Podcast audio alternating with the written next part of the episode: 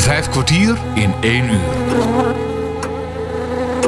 Goede gesprekken, interviews en reportages op Radio 509. Met gastheren Bas Barendrecht en André van Kwaabegen. Hallo, wees weer welkom. Sorry een beetje voor mijn stem, want ik ben nogal verkouden. Vandaag is Hans Wensveen te gast bij de imkerij De Drie Bijen in Noordwijkerhout en keren we terug naar de tuin van Bas Barendrechts voormalige woning in Oostvoorne, waar hij te maken kreeg met een zwerm bijen die een nieuwe woning zocht. Maar eerst bezoek je de imkerij. Hans Wensveen krijgt uitleg van John Driebergen. Van origine kom ik uit eh, Leiden, daar ben ik geboren. Ik heb eh, ja, 30 jaar in Rijnsburg gewoond, het eh, bloemendorp bij uitstek. Eh, getrouwd met Marijke Driebergen, Groeneveld. En ehm, ja, dat is eigenlijk de aanstichter van de imkerij. Want die heeft me meegenomen naar een, een imkerscursus in Leiden. Wat deed je daarvoor, John? Ja, daarvoor zat ik in, in de bouw. En, ja. en later ben ik bij facilitaire dienst eh, gaan werken in, op rivierduinen. En ja, toen zijn we zeg maar, hobbymatig begonnen met, met een imkerij. Dat is met een hobby begonnen en uiteindelijk is het nu een, eh, een knap eh, groot bedrijf als ik het eh, zo inschat. Ehm, even terug naar de naam, de drie bijen. Dat, is, dat komt ergens vandaan, kan ik vermoeden. Ja, dat heeft te maken met mijn achternaam. Mijn achternaam is Driebergen. Nou, in, het, in mijn achternaam zit het getal 3. En in een bijenvolk zitten drie soorten bijen. Namelijk de koningin, de werksters en de mannetjesbijen, de darren. Dus vandaar de drie bijen.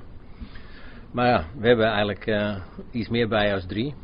Ik zeg altijd, we zijn de grootste ge- werkgever van Zuid-Holland. We hebben zo'n beetje eh, op dit moment tussen de 80 en 120 volken. En eh, ja, per volk zitten dan eh 50.000 tot 60.000 eh, bijen in. Dus reken maar uit hoeveel werknemsters we hebben. Miljoenen schat ik in. Miljoenen? Ja, ik hoef ze gelukkig niet allemaal te tellen. Nee. En het is enorm goed personeel, want ze werken van 's morgens vroeg tot 's avonds laat om de honing eh, naar binnen te halen en de bloemen te bestuiven. En hoe kom jij aan de bijenvolken? Vind je die? Komen die naar je toe? Of hoe moet ik me dat voorstellen? Nou, in eerste aanleg, eh dus 37 jaar geleden toen we begonnen, eh, ja, dan begin je met een imkerscursus bij een vereniging. En het is gebruikelijk in Nederland eh, dat je van de vereniging dan je eerste bijenvolk krijgt. En als je één bijenvolk hebt, dan kan je daar in het voorjaar mee gaan, gaan kweken. Dus dan kan je zo'n volk gaat zich splitsen. Dus van één volk krijg je er op een gegeven moment twee. En van twee eh, worden er vier. Ja, je zei net al van elk eh, volk heeft één koningin. Maar als zo'n volk zich gaat splitsen, zijn er dan plotseling twee koninginnen die zich gaan splitsen? Of hoe is dat? Nou, het is zo dat in het voorjaar gaat zo'n volk eh, gaat zich ontwikkelen. Zo'n koningin gaat, die begint in februari al met eikens leggen. En dat zijn er dan enkele per dag. En in het voorjaar en in de zomer kunnen dat 1000 tot eh, 2000 eikens per dag worden. Dus dan moet je voorstellen, zo'n volk gaat enorm eh, snel omhoog. En op het hoogtepunt eh, dan besluit eh, vaak de koningin dat ze gaat verkassen. En dat houdt in tot er worden nieuwe koninginnen geboren in speciale koninginnencelletjes, in speciale ruimtes. Want de koningin is wat groter dan een andere bij, net als onze eigen koningin. En als dan de eerste cel dicht is waar een koningin in zit, dan gaat de oude koningin met de helft ervan door. Ja, je zegt je hebt eh, nogal wat bijenvolken. eh, die zitten in een, een korf, hè, zoals dat heet. En waar, waar staan die zoal hier in de regio? Ja, dat is natuurlijk heel veel om op te noemen, want wij, wij reizen met onze bijen door eh, zowel Zuid-Holland als Noord-Holland. En ehm, ja, de ene keer staan ze een, een aantal weken bij een kweker of bij een teler en de andere keer staan ze daar een eh, aantal maanden. Het hangt van het gewas af, het hangt van de persoon af. Ik heb eh, bijvoorbeeld een aantal bijen staan, die staan bijvoorbeeld op het landgoed eh, bij Van der Valk.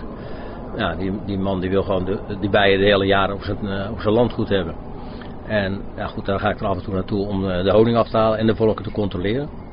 Ja, want we hebben het hier over de bijtjes en de bloemetjes, hè, het verhaal. Eh, die bijen zijn er al, niet, juist eigenlijk misschien wel niet alleen voor de honing, maar die hebben natuurlijk een hele andere belangrijke functie in verband met die verstuiving. Bestuiving, hoe zeg je dat? Bestu- bestuiving. En ja, bestuiving dat is natuurlijk het belangrijkste werk wat wij eigenlijk doen. Eh, honing is eigenlijk eh, ja, bijzaak natuurlijk voor, voor, de, voor de imker.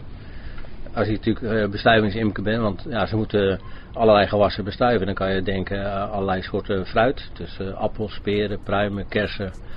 Eh, daarna kan je denken aan allerlei soorten zaad. eh bloemkoolzaad, uh, andijviezaad, eh eh, et cetera. En eh, ze bestuiven natuurlijk ook allerlei, eh, ja, gewoon wilde bloemen.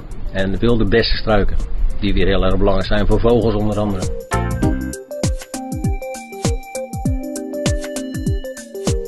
Ja, je noemt een aantal gewassen op en dan denk ik al van als je daar uh, honing van krijgt, dat het ook allemaal verschillende honingen zijn. Ja, dat klopt. Uh, uh, er is natuurlijk een honingwet in Nederland, die is eigenlijk overal van kracht. En daarin is bepaald dat een aantal pollen nodig is om de soort honing te bepalen van de, de honing van de soort, zeg maar. Dus als je heel veel verschillende soorten pollen hebt, dan heb je over het algemeen een bloemhoning. En zit er in een, uh, ja, in een soort honing bijvoorbeeld uh, 90% kastanjepollen. Nou ja, dan mag het kastanjehoning heten. En dat geldt, dat, dat is per honingsoort is dat verschillend. Maar ja, ze zijn dus ja. qua kleur en smaak, eh, zijn ze dan ook echt, echt verschillend van elkaar? Ja, sowieso. De, de, de kleur is uh, heel anders en, en de smaak uiteraard ook. Want ja, tijmhoning smaakt heel anders als, uh, als lavendelhoning. En eucalyptushoning smaakt weer heel anders als boshoning. Ja, dat heb je ook, je zit natuurlijk hier in het, in het duinengebied. Uh, heb je ook korven in de, in de duinen bijvoorbeeld staan? Ja, wij spreken over het algemeen niet over korven, maar over bijenkasten. Okay. Een korf is een, een traditionele bijenkorf die gevlochten is van stro. En daar heb ik wel uh, soms een bijenvolk in, maar dat is meer voor, ja, voor nostalgie en het mooie gezicht. Als uh, niet anders van om, de honing te winnen. Maar we, we, produceren honing in kasten met ramen. En die staan inderdaad ook in de duinen. Oké, en als jij, um, ik hoor ook wel eens dat mensen uh, bellen naar imkers toe omdat er ergens een, een, een bijenvolk is neergestreken in een boom of in een spouwmuur of zo. Worden jullie daar ook bij gehaald als bedrijf? Ja, wij worden enorm, uh, kan we zeggen, veel gebeld. Soms plat gebeld over dat mensen ja, een bijenzwerm hebben of een ander soort insect. Meestal weten de meeste mensen niet hoe een bij eruit ziet en wordt alles een bij genoemd. Maar is het soms een, een wespenkolonie, of het is een hommelvolkje, of het zijn solitaire bijen, of het zijn gewoon vliegen. ja, we krijgen allerlei meldingen. En over het algemeen vraag ik om, tenminste mijn rijke vraagt dan vaak om een, een, foto te sturen per app. En dan kunnen we kijken van, ja, met wat voor insect hebben we van doen en wat kunnen we adviseren. Maar is het een bijenvolk, dan, dan ga je die halen. Uh, dan verstoor je natuurlijk zo'n zo nest. Uh, dat is niet zonder risico's of daar merk jij zelf iets van als je dat gaat doen? Nou, meest, meestal gebeurt er met een bijenvolk helemaal uh, niks. je moet je voorstellen, wij op vakantie gaan, dan laaien we onze auto vol met, met voedsel. Met een, een mut aardappelen erin en noem maar op. Dan gaan we naar Frankrijk of naar een ander land. Als een bijenvolk gaat zwermen, dan nemen ze zich allemaal een volle honingmaag. En ja, die bijen zijn dus heel erg zachtaardig over het algemeen. Dus er valt geen steek. er valt geen steek, dat is een mooie.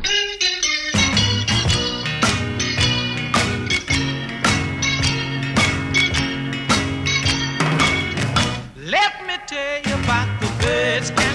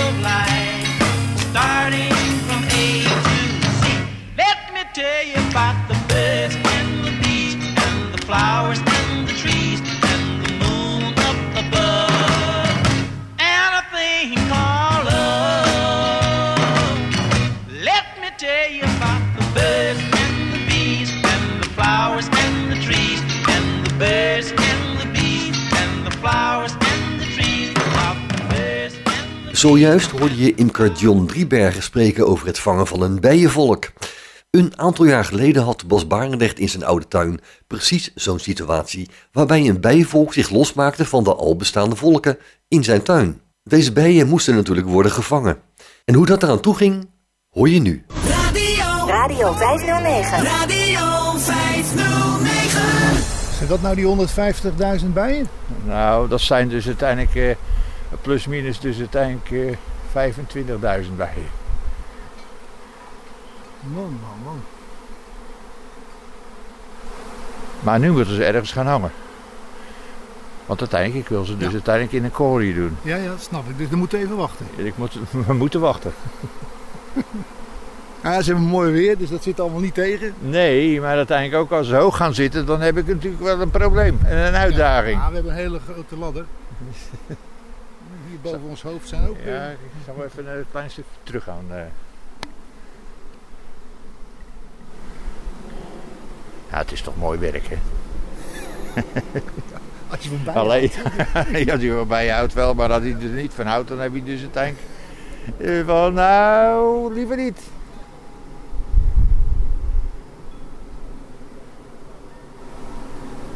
Maar ze blijven wel eh, lang eh, in de ronde. Ja. Ze zoeken de mooiste plek uit. Ja, nee, meestal willen ze dan ook nog op een gegeven moment weer verder gaan. Dus uiteindelijk als de, de, de koningin niet ergens gaat zitten, dan, eh, dan gaan ze verder. Maar ik zie nog geen plaats waar ze dus uiteindelijk gaan hangen. Zo te zien gaan ze naar die appelboom toe.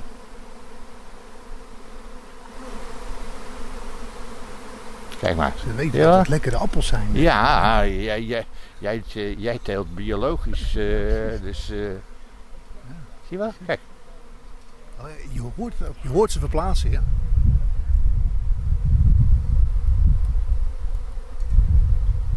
Maar dat jij in de gekrioel wat je nu ziet, hè, want je ziet allemaal heel vlug die, die beesten tekeer gaan. Ja. En dat hun de, hun de koningin kunnen onderscheiden. Wij kunnen dat echt Nou, niet. nee, nee, dat kan ik ook niet hoor.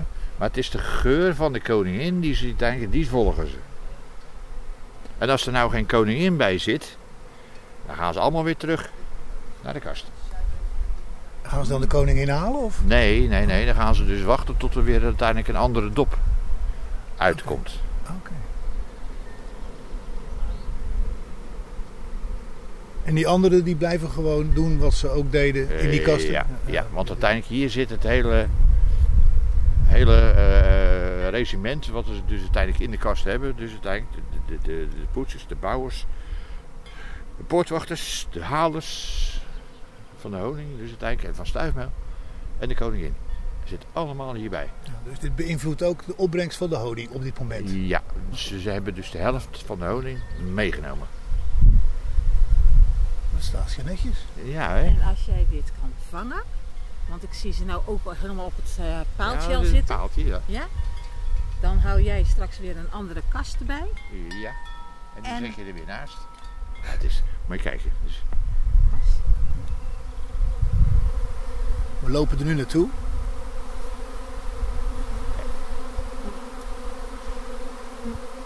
Oh ja, ze gaan op de paal en helemaal op de stam zitten van de boom. Maar ze, Dus ze vliegen ook om je oren als je daarbij ja, bent. ja, maar ze doen weinig. Ze zijn met andere dingen bezig. Nee, ze, ze zijn bedreigen helemaal vol gevreten, laten we het zo Ja, maar zeggen. En dan is het dus uiteindelijk heel moeilijk dus uiteindelijk om die angel naar buiten te brengen. Dus daarvoor kun je er heel dichtbij komen. Maar uit die kasten komt dus nu niks meer verder. Eh, nee. Hierop af. Nee, die komt nee. nee. Dit Maar is hebben ze nou daar afspraken over gemaakt, die bijen? Nou, het, uiteindelijk, Gevoelsmatig, toch? Dat is, eh, ja, gevoelsmatig. Ja. uiteindelijk ook, en daar zijn ze dus uiteindelijk al, al een paar dagen mee bezig. Dus uiteindelijk van, nu zijn dus uiteindelijk eh, de, de, de koninginnendop aangezet. En op het moment dat hij dus net dicht gaat, of niet dicht gaat, of net dicht is, dan gaat de helft weg. Oké. Het is gewoon uiteindelijk een natuur wat dus uiteindelijk zijn eigen regelt. Dus uiteindelijk, Ja. deze zwerm die, die gaat een ander huis zoeken met, een nieuwe, met de oude Ja. koningin. En de nieuwe koningin die komt in de kast. Dus moet er een nieuwe kast komen. Ja, voor deze Voor, wel. voor dit volk, ja, ja. Ja, ik heb ze bij Hij me. heeft zich afgescheiden, dit ja, volk. ja, ja, Ja. Ik heb ze bij me, dus... eh. En dan is er straks dus uiteindelijk een hele kunst op zo'n paal. om de koningin te vinden. Die moet je hebben, want anders dan komen ze niet mee. Nee. Nee, nee. Die moet de kast in. Ja. Dus jij gaat zo meteen je pak aantrekken. Ja, ik ga straks... Want anders nog- heb je geen leven. Nee, dan heb ik geen leven. Dit is ook niet de eerste koningin, want uiteindelijk de eerste koningin, je hebt een voorzwerm, je hebt een hoofdzwerm en dit is dan weer een nazwerm. Ja. Dus er is er waarschijnlijk één of twee weg. Oké, maar dat hebben we niet gezien. Dat hebben we niet gezien.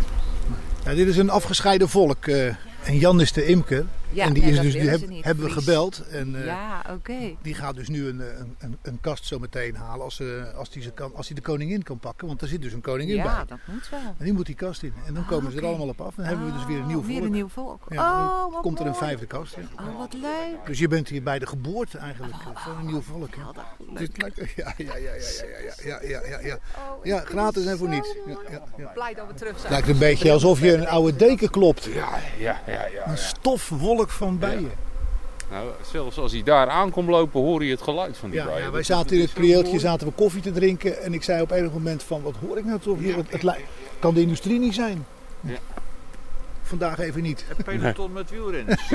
Ja, precies. Ja, dat klinkt het. zou kunnen. Nou, nu duiken ze zo allemaal bij elkaar op elkaar. En dat is waarvoor? Koud zullen ze het niet hebben. Nee, ze zullen het nu niet koud hebben, maar uiteindelijk ze gaan meestal aan elkaar hangen. Aan de achterpoten en de voorpoten. En dan is het net of het zo'n zwerm is.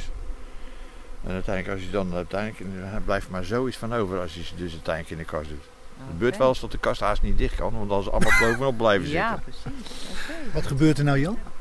Nou, ze gaan steeds. eh, kijk, het wordt, hij, hij wordt steeds groter, Ja, zie je wel? ja, ja. Ik ga een kast halen. A taste of honey, tasting much sweeter than wine. Do do do, do do do. I dream of your first kiss, and then I feel upon my lips again. A taste of honey, a taste of honey, tasting much sweeter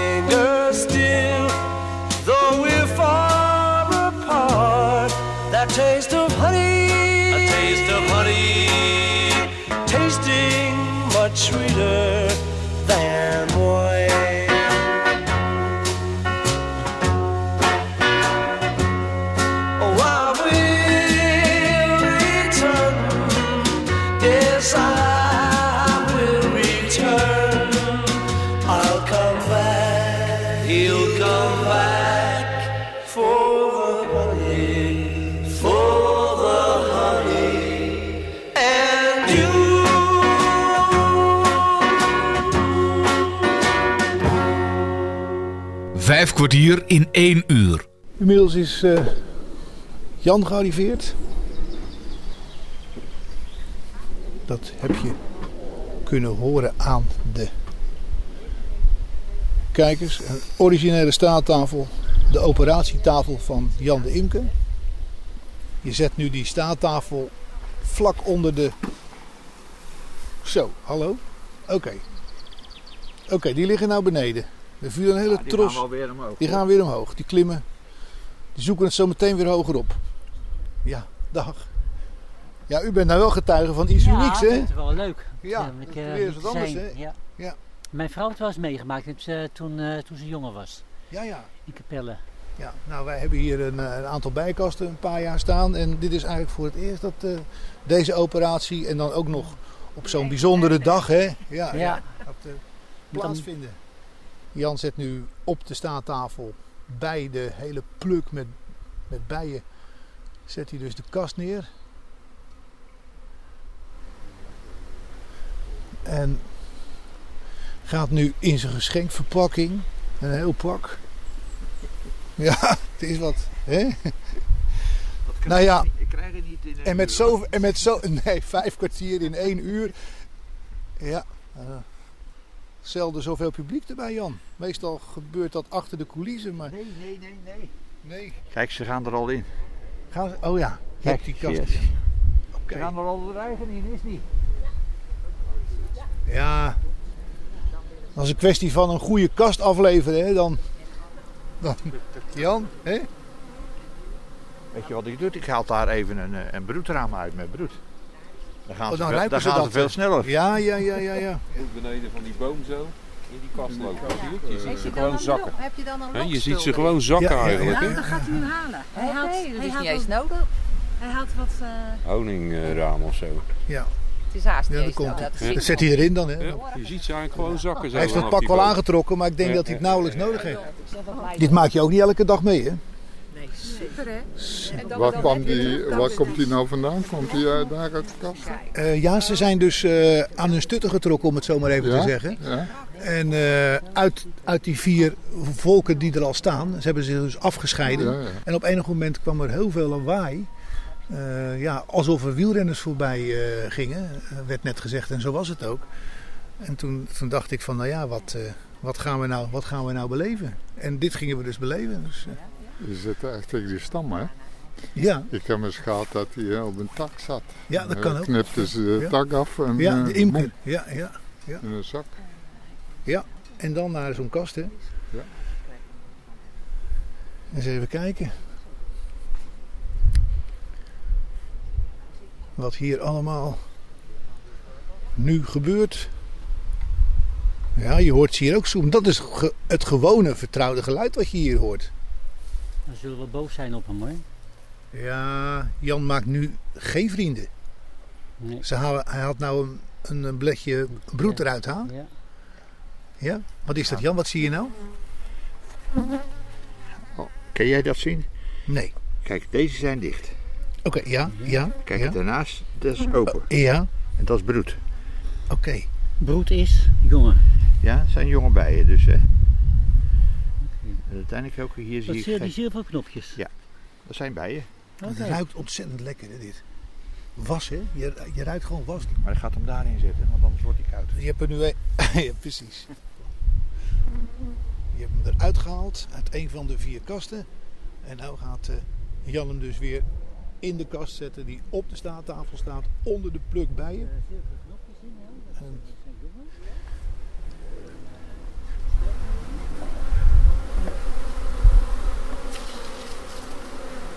Oké, dit is een blanco die je er nou uithaalt en dan zet je die voor terug, hè Jan?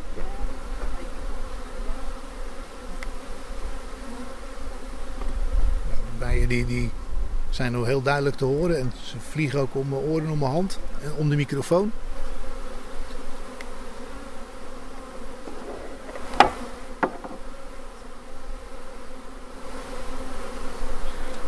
En net wat Jan ook zei, ze hebben helemaal geen ambitie om je te steken, want ze zitten propvol met, eh, met honing. Dus ze zijn hartstikke, hartstikke lui. Ze hebben gekozen om zich dus af te scheiden. En nou gaan ze allemaal, hoor eens, wat een geluid.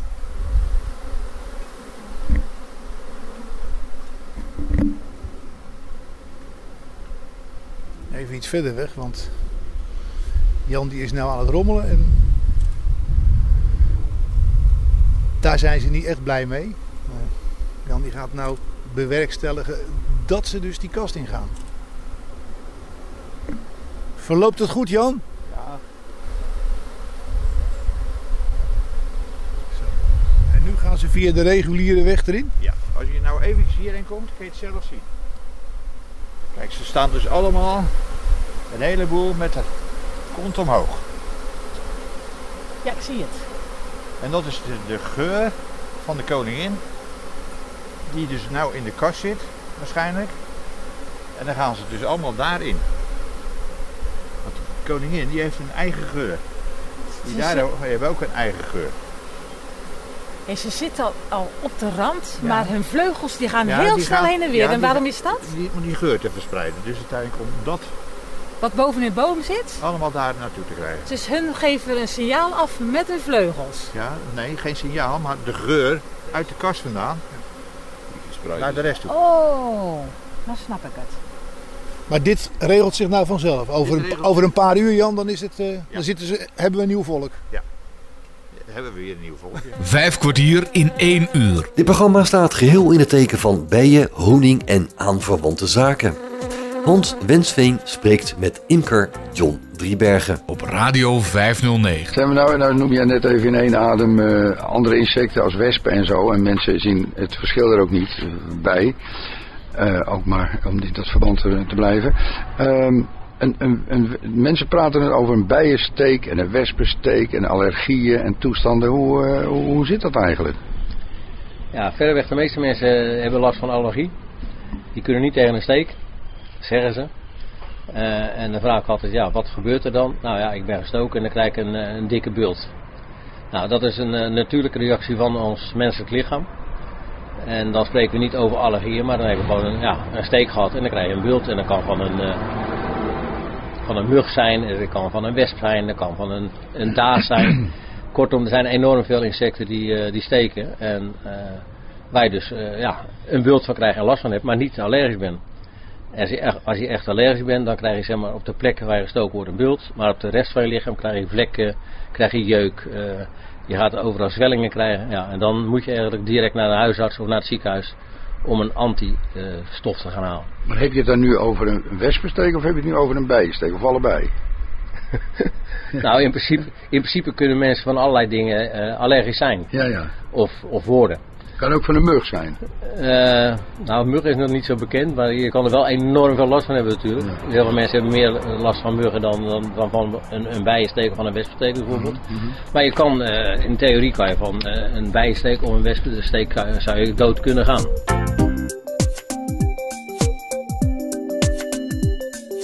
Nou, nou is het zo dat ook wordt beweerd dat als een bij steekt, dat de bij einde oefening is. Ehm, en, bij een wesp eh, die schijnt verschillende keren te kunnen eh, prikken.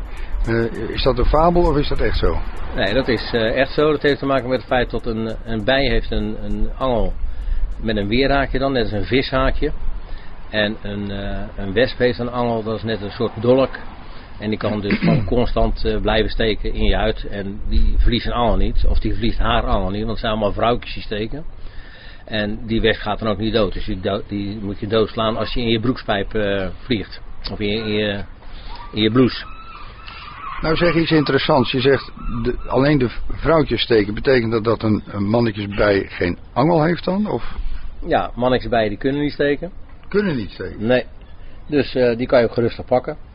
Eh, die zijn wat, wat trager als een eh, vrouwtjes bij. Maar ja, die zijn eigenlijk alleen maar in het volk aanwezig om eh, met de nieuwe koningin te paren. En als dat gebeurd is, dan eh, is dat weer het einde oefening van die dar, want die, gaat, die valt dan dood uit de lucht neer. Want Als die, als die gepaard heeft. ja, zo'n koningin die wordt eh, bevrucht in de lucht. Gemiddeld gebeurt dat met eh 7 tot 15 verschillende darren.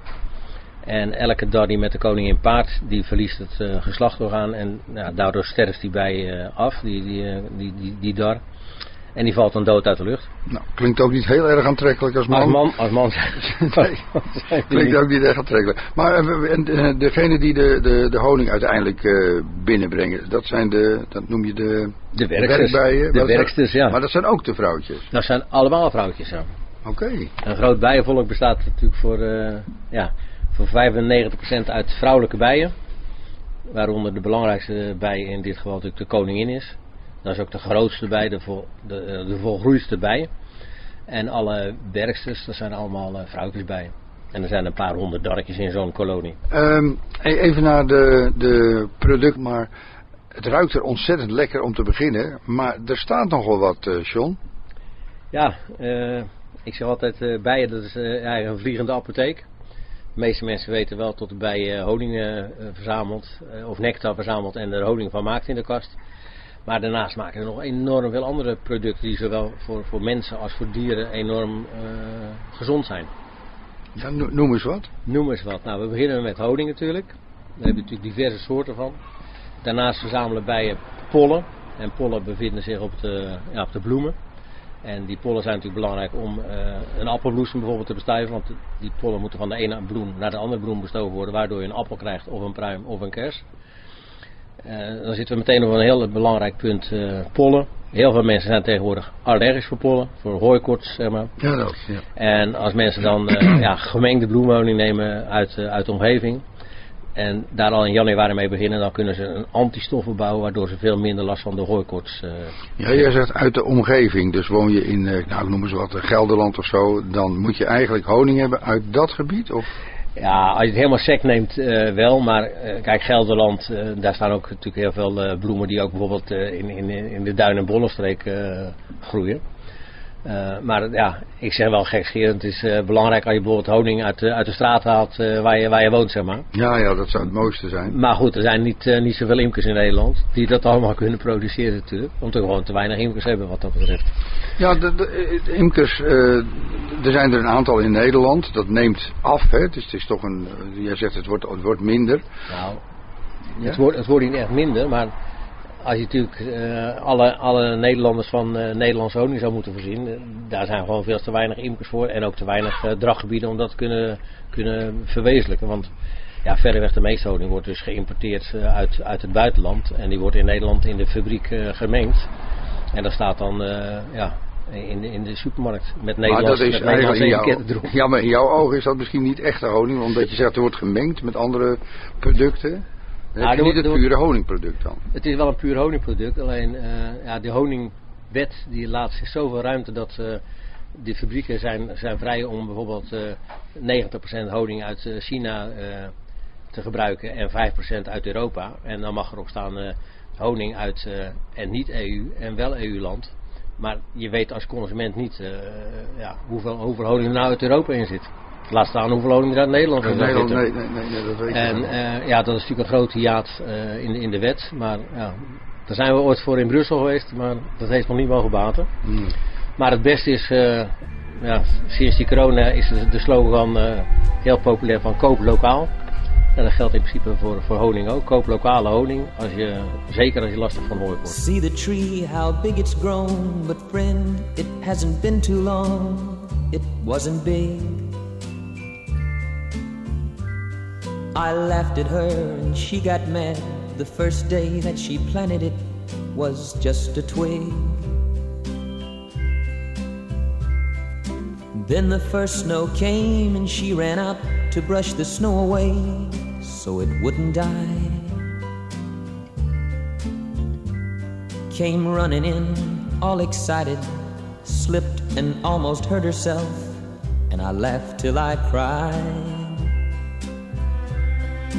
She was always young at heart, kinda dumb and kinda smart, and I loved her so. And I surprised her with a puppy, kept me up all Christmas Eve two years ago. And it would sure embarrass her when I came in from working late, cause I would know that she'd been sitting there and crying over some sad and silly late, late show. And honey, I miss you. And I'm being good. And I'd love to be with you. If only I could. She wrecked the car and she was sad and so afraid that I'd be mad. But what the heck? Though I pretended hard to be, guess you could say she saw through me and hugged my neck. I came home unexpectedly and caught her crying needlessly in the middle of the day. And it was in the early spring when flowers bloom and robins sing, she went away. And honey, I miss you. and I'm being good. And I'd love to be with you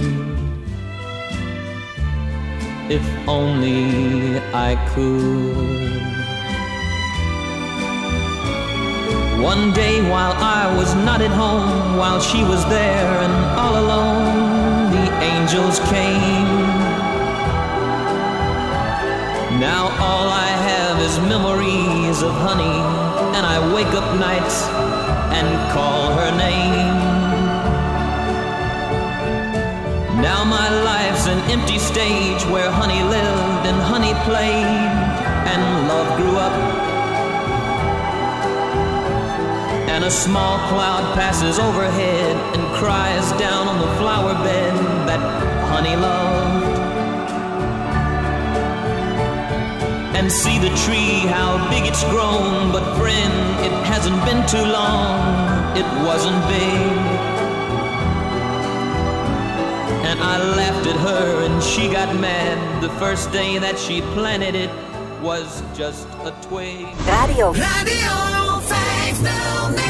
Radio 509. Nou, eh, heb ik ook wel eens begrepen dat eh, er gebeurt natuurlijk heel veel in de natuur. Hè, daar weten we eh, met z'n allen van alles van. Hè, de, de stikstofdiscussies en noem maar op. Dat in de natuur gebeurt wat. Dat heeft natuurlijk ook effect op, op bijen. Eh, is het dan ook zo dat, eh, dat er minder eh, bijen komen of, of zo? Ja, dat, eh, het, proble- het probleem met, eh, met de natuur is dat er gewoon te veel eh, ja, rommel gebruikt wordt, te veel gif, te, te veel vervuiling is. Eh, de biodiversiteit is natuurlijk een, eh, een punt wat... eh, Ja, er komt nu ook weer zo'n vervuiler over, hè? dat horen we wel. ja, Schiphol. En ja, dat is natuurlijk een, gro- een groot probleem.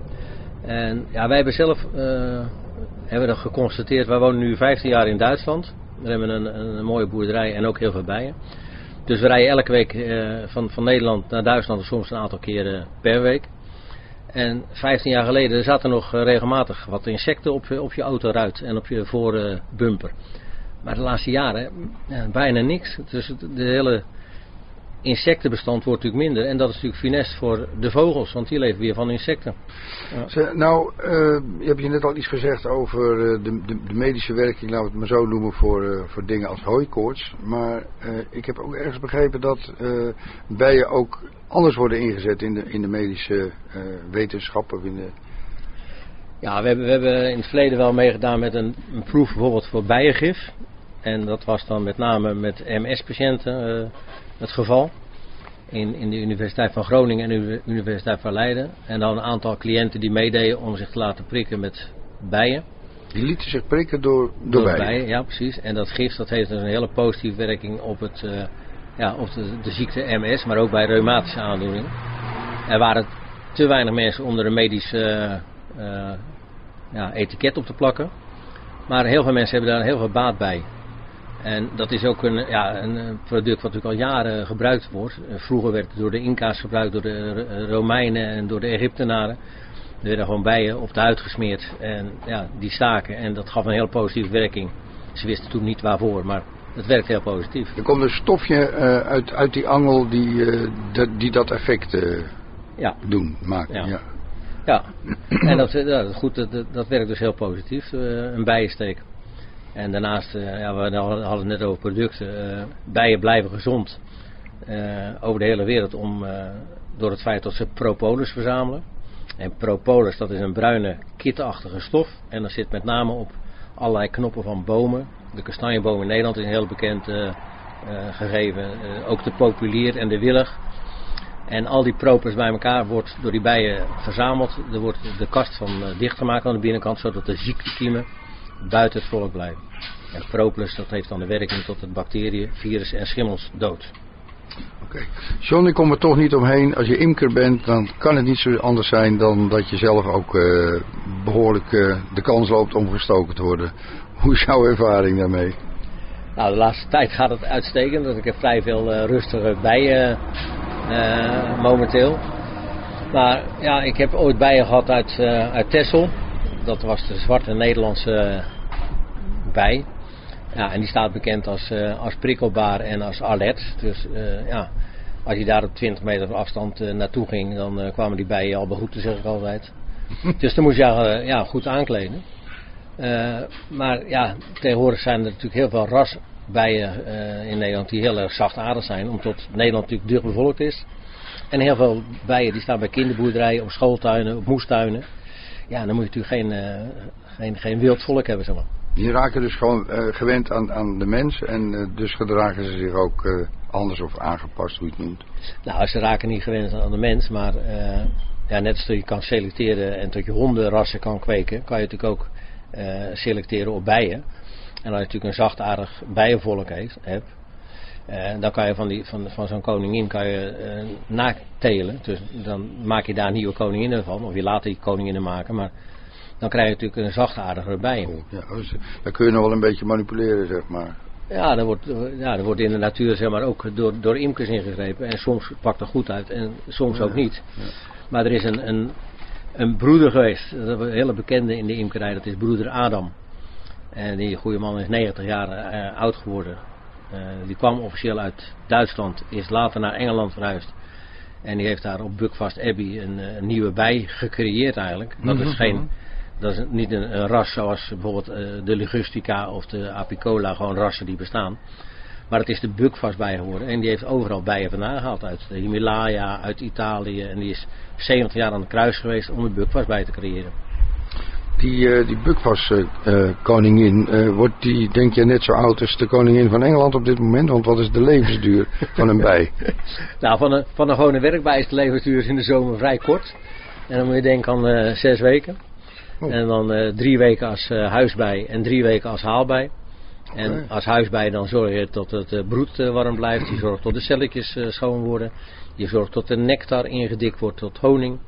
En de laatste drie weken van je leven dan word je haalbij. En dan ga je ja, pollen halen, of je gaat stuifmeel halen, of je gaat propolis halen. Oké. Een darretje die kan eh, wat ouder worden. Eigenlijk eh, kan hij wel een, eh, een half seizoen meegaan.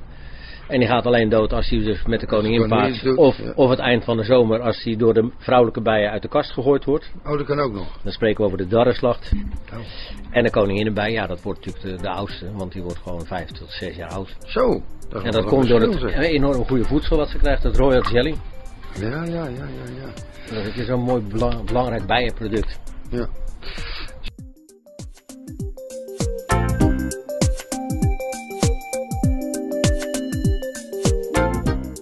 Hans Wensveen is de gast bij de imkerij De Drie Bijen in Noordwijkerhout. En eh, John, nou als ik aan een, eh, aan een imker denk, en daar eh, heb ik wel eh, een beeld bij, klopt dat een beetje? Dat is een, een man met zo'n kap over zijn hoofd en een pijp in zijn mond. Vertel er eens even van. Nou, meestal, meestal heb ik een kap niet op mijn hoofd, maar eh, op mijn nek. Ik werk meestal met een strooien hoed in de bijen of eh, met, met een baseballpetje. Ah ja, omdat ik het ook gewoon prettig vind om eh, contact te te hebben met die bijen en het goed te kunnen zien. Eh, de eitjes die, eh, in, die de koningin legt, die zijn nog wel vrij klein. Eh, ja, een millimeter, anderhalf millimeter groot. Dus dan moet je ja, goed kijken. En als je dan een kap op hebt, is het allemaal lastig natuurlijk. Ja, ja. En ja, wat ik zei, ik heb over het algemeen rustige bijen, dus daar gaat het ook heel goed mee. Maar ja, je moet natuurlijk wel oppassen, want ja, ze kunnen in principe allemaal steken. Ja. En als je in je oog gestoken wordt, dan heb je natuurlijk een probleem. Dat kan ik me zo voorstellen. Ja. Met name voor mezelf geldt dat ik maar één goed oog heb. Oké. Dus ik moet helemaal eh, goed oppassen. Beetje zuinig zijn. Maar ja, eh, ik ben eh, eigenwijs. In die pijp dan, John, wat doen we daarmee? Nou, met die pijp dan geven bijen in principe rook. En heel veel mensen denken dan dat de bijen gaan slapen. En dat wordt ook vaak op scholen verteld bij de biologie, biologieles. Dat is niet waar Maar dus. dat is niet waar, want bijen leefden van origine in holle bomen. En als er dan bosbrand kwam, dan eh, dachten die bijen, misschien moeten we straks ons huis gaan verlaten. Dus die gaan zich allemaal volzuigen met honing. En als dan de bosbrand eh, door zou eh, gaan, dan, ja, dan gingen ze uit die boom weg. Voorzien van honing.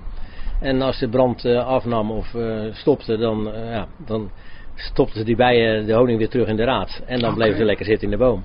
Ja, ja, maar Dus ze wij wel geven weer nou- terug. Dus, Ja, dus ze blijven dan gewoon in het nest. Ja, ja. En nou, wij geven dus eh, een klein beetje rook in de kast normaal. En nou, dit, het gevolg is dan die bijen allemaal zich vol gaan zuigen met honing. Mhm, mhm. En mocht een bij willen steken, dan moet ze haar achterlijf buigen, want daar zit de angel van die bij. En met een volle maag eh, gaat het gewoon heel moeilijk. Je moet je voorstellen, als wij zwaar hebben zitten Chinezen. En we hebben een volle, volle eh, buik van nasi. Dan krijg je schoen ook makkelijk. kun je moet je schoenen ook moeilijk vastbinden. En dat geldt voor die bijen ook in dit geval. Ja, ja. Dus ze worden wat, wat, wat rustiger, zeg maar. She grew up on the side of the road where the church bells ring and strong love grows. She grew up good, she grew up slow, like American honey.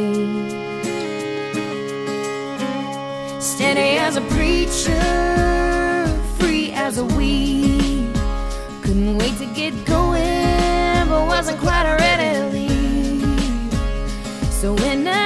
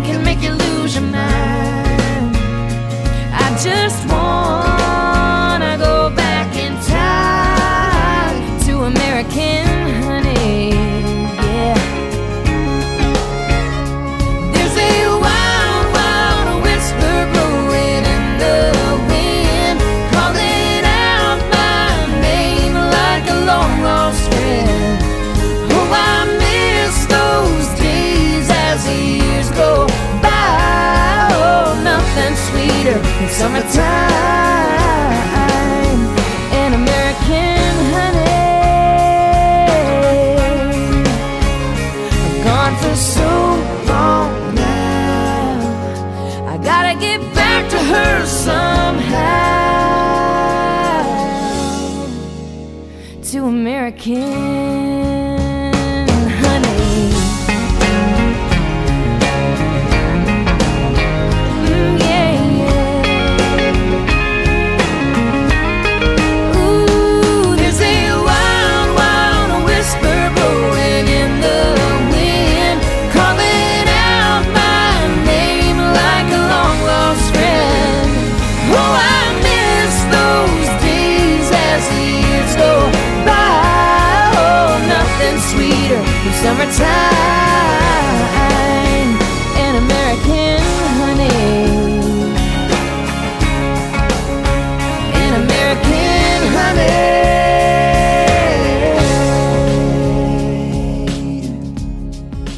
kwartier in één uur. Ja, wat voor eh, ge- gereedschap of eh, hulpmiddelen gebruik jij bij het maken van, eh, van honing? Nou, voor het maken van honing moet je natuurlijk eerst eh, ja, een raad hebben. Want die bijen moeten de honing in de raad opslaan. En als de raten vol zijn, en dat is nu te- de juiste tijd ervoor, eh, dan halen we de raten eraf. En met een ontzegelvork, en dat is gewoon een, een grote vork met meerdere tandjes, als waar we zelf mee eten, halen we de wasdekkers van de, van de raad af. En vervolgens we die, eh, stoppen we die raad in, eh, in de honingslinger. En door het ronddraaien van de slinger eh, vliegt de honing uit de, de raad. Door de rondvliedende kracht, zeg maar. De, de, Ja. de- Oké, gebruiken- straks even naartoe. Dus Ja, we gebruiken normaal gebruiken daar een, een radiaalslinger voor. En dat is een slinger die heeft een motor. En die gaat links en die gaat rechtsom. En de, de raden staan allemaal gecentraliseerd in de slinger. Dus wil zeggen, ze staan dus allemaal naar het midden toegericht. En het voordeel daarvan is dat je hoeft alleen de raad erin te zetten. En ja, je kan linksom draaien en rechtsom draaien met die slinger. En de raten gaan leeg. En die honing verzamelt zich in het middelpunt dan, stel ik me zo voor? Ja, ja die, loopt, die loopt zeg maar in die ketel naar beneden. Naar beneden, ja. Aan het, aan, aan het eind van de ketel zit dan een, een kraan. Daar kan je de honing mee aftappen. Is het zo dun? Nou, het kan ook heel erg dik wezen. Het hangt natuurlijk helemaal van de, van de temperatuur van buiten af. Van het indikken van de bijen wat, eh, wat ze gedaan hebben. Het is een hele stroperige goedje eigenlijk. Maar het loopt in ieder geval naar beneden in de, in de honingslinger. Dan gaat het door twee zeven heen. In een emmer van ja, 20 of 25 eh, kilo. En dan laten we het een, eh, week staan. Zodat alle wasdeks die er eventueel in zitten of de luchtbelletjes naar boven gaan. En dan kunnen we de honing klaren. En daarna kunnen we de honing gewoon eh, gaan Honing afvullen. klaren, wat, wat, wat bedoel Nou, je? honing klaren is dat... eh, kijk, als je de honing slingert, dan komt daar natuurlijk ook lucht, lucht in. Ja. En als dat in een emmer zit, dan moeten die luchtbelletjes moeten heel langzaam omhoog door, Oh, ja. die, door die stroperige eh, substantie. Mhm. En dan krijg je aan de bovenkant een, een schuimlaagje. En dat kan je natuurlijk gewoon afschuimen. Oh, of zo, oh, zo. Ja. En ja, dat is eigenlijk het, het allerlekkerste van de honing. Want er zit natuurlijk alles in wat je maar kan bedenken. Maar het staat op zich niet heel mooi in een pot. Maar we eten het wel allemaal lekker op natuurlijk. Want het is het gezondste wat je kan hebben. Maar jullie vullen de, de potten ook allemaal zelf. Dus het is allemaal eh, hier in, in, nou ja, in productie. De bijen die brengen, jullie slingeren. Het gaat in de potten en het gaat in de winkel. Dat Ja, is, nou wat, wat we meestal doen is dat we de, de, de honing die in Nederland gewonnen wordt, die haal ik af. En de raten die eh, transporteer ik naar Duitsland en daar, daar slingeren we meestal de honing. Eh, en dat heeft te maken met het feit dat we zijn over het algemeen meer dagen in Duitsland dan in Nederland. Dus we kunnen meer, meer tijd spanderen aan de slingeren in Duitsland. Vroeger deden we alles in, in, in Nederland, in Noordwijkerhout. Maar ja, goed, we zitten nu 15 jaar in Duitsland, dus in Duitsland doen we dan vaak het slingeren. Hoe is de, de... Kijk, mensen kopen eh, honing, inderdaad, wat je net al noemde, ook veel in de supermarkt. Dat is andere honing als die jullie verkopen. Dat, dat, dat geloof ik zo. Eh, is, is de belangstelling voor echte, goede, gezonde honing, begint dat toch een beetje tot mensen door te dringen? Dat je dit soort producten beter kan kopen? Nou ja, wat, wat wij natuurlijk eh, merken, wij zijn natuurlijk nu eh, 37 jaar bezig met bijen. Dat er enorm veel belangstelling is voor goede natuurproducten. En ja, een heel goed voorbeeld is bijvoorbeeld eh, toen de corona ging beginnen. Eh, heel veel mensen die wisten al van, van Propolis. Ja, we verkochten enorm veel Propolis. Omdat ja, Propolis natuurlijk tegen bacteriën en tegen Ja, schimmels ja. en virus werkt. Dat, ja. En zelf deed ik het altijd, eh, toen, die, toen het virus net kwam, die Propolis onder mijn neus smeren. Om die, om die virussen zeg maar, buiten, buiten mijn lijf te houden. Ik denk dat het beter werkt dan mondkapjes, als ik jou zo hoor. Nou, er, zit een goede combinatie natuurlijk. Oké. Ik kan niet de hele dag met eh, Nee, lopen te lopen, smeren, ja. rondlopen. Dat is dus de, dus de uitdrukking stroop in je mond smeren, dat is hier letterlijk. Ja, maar ja, dat zijn natuurlijk eh, ja. hele goede voorbeelden. Waar ook mensen hebben daar natuurlijk baan bij. En ja, eh, zeven of acht jaar geleden inmiddels is er in Beverwijk een heel onderzoek geweest in een brandwondencentrum naar het gebruik van honing voor de genezing van brandwonden. Ja, en daar kwam bijvoorbeeld een Nederlandse lindhoning eh, eh, uit een- de bus dat het perfect werkt qua gezondheid en dat het ook eh, heel goed medicinaal toepasbaar is. En- Helend. eh, ja, en het werkt ook eh, helend en dat wordt ook nu gebruikt in, in ziekenhuizen. Oké. Alleen, ja, het is weer zo'n voorbeeld, net als bijengif.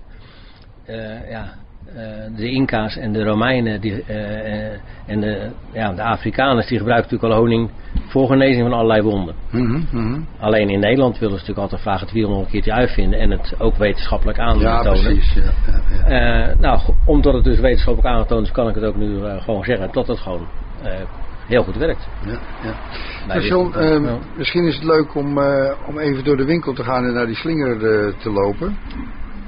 Is dat een goed idee? Ja, laten we dat even doen. Het zonnetje komt nou net door, dus het wordt een beetje warm hier eh, buiten. Tijd om naar binnen te gaan. En daar zal je nog een weekje op moeten wachten, want onze tijd zit er voor nu op. Ik bedank je mede namens Hans Wensveen en Bas Barendrecht voor het luisteren. En heb je nog vragen of opmerkingen? Of wil je zelf wel eens aan het woord komen? Of weet je een onderwerp waar Bas achteraan kan gaan? Dan kan je een mailtje sturen naar bas.radio509.nl Dit programma is overigens ook te beluisteren via de podcast van deze zender. Geniet van de rest van deze dag, blijf luisteren naar Radio 509 en tot een volgende keer. Vijf kwartier in één uur is een programma van Bas Barendrecht. Techniek André van Kwaabegen.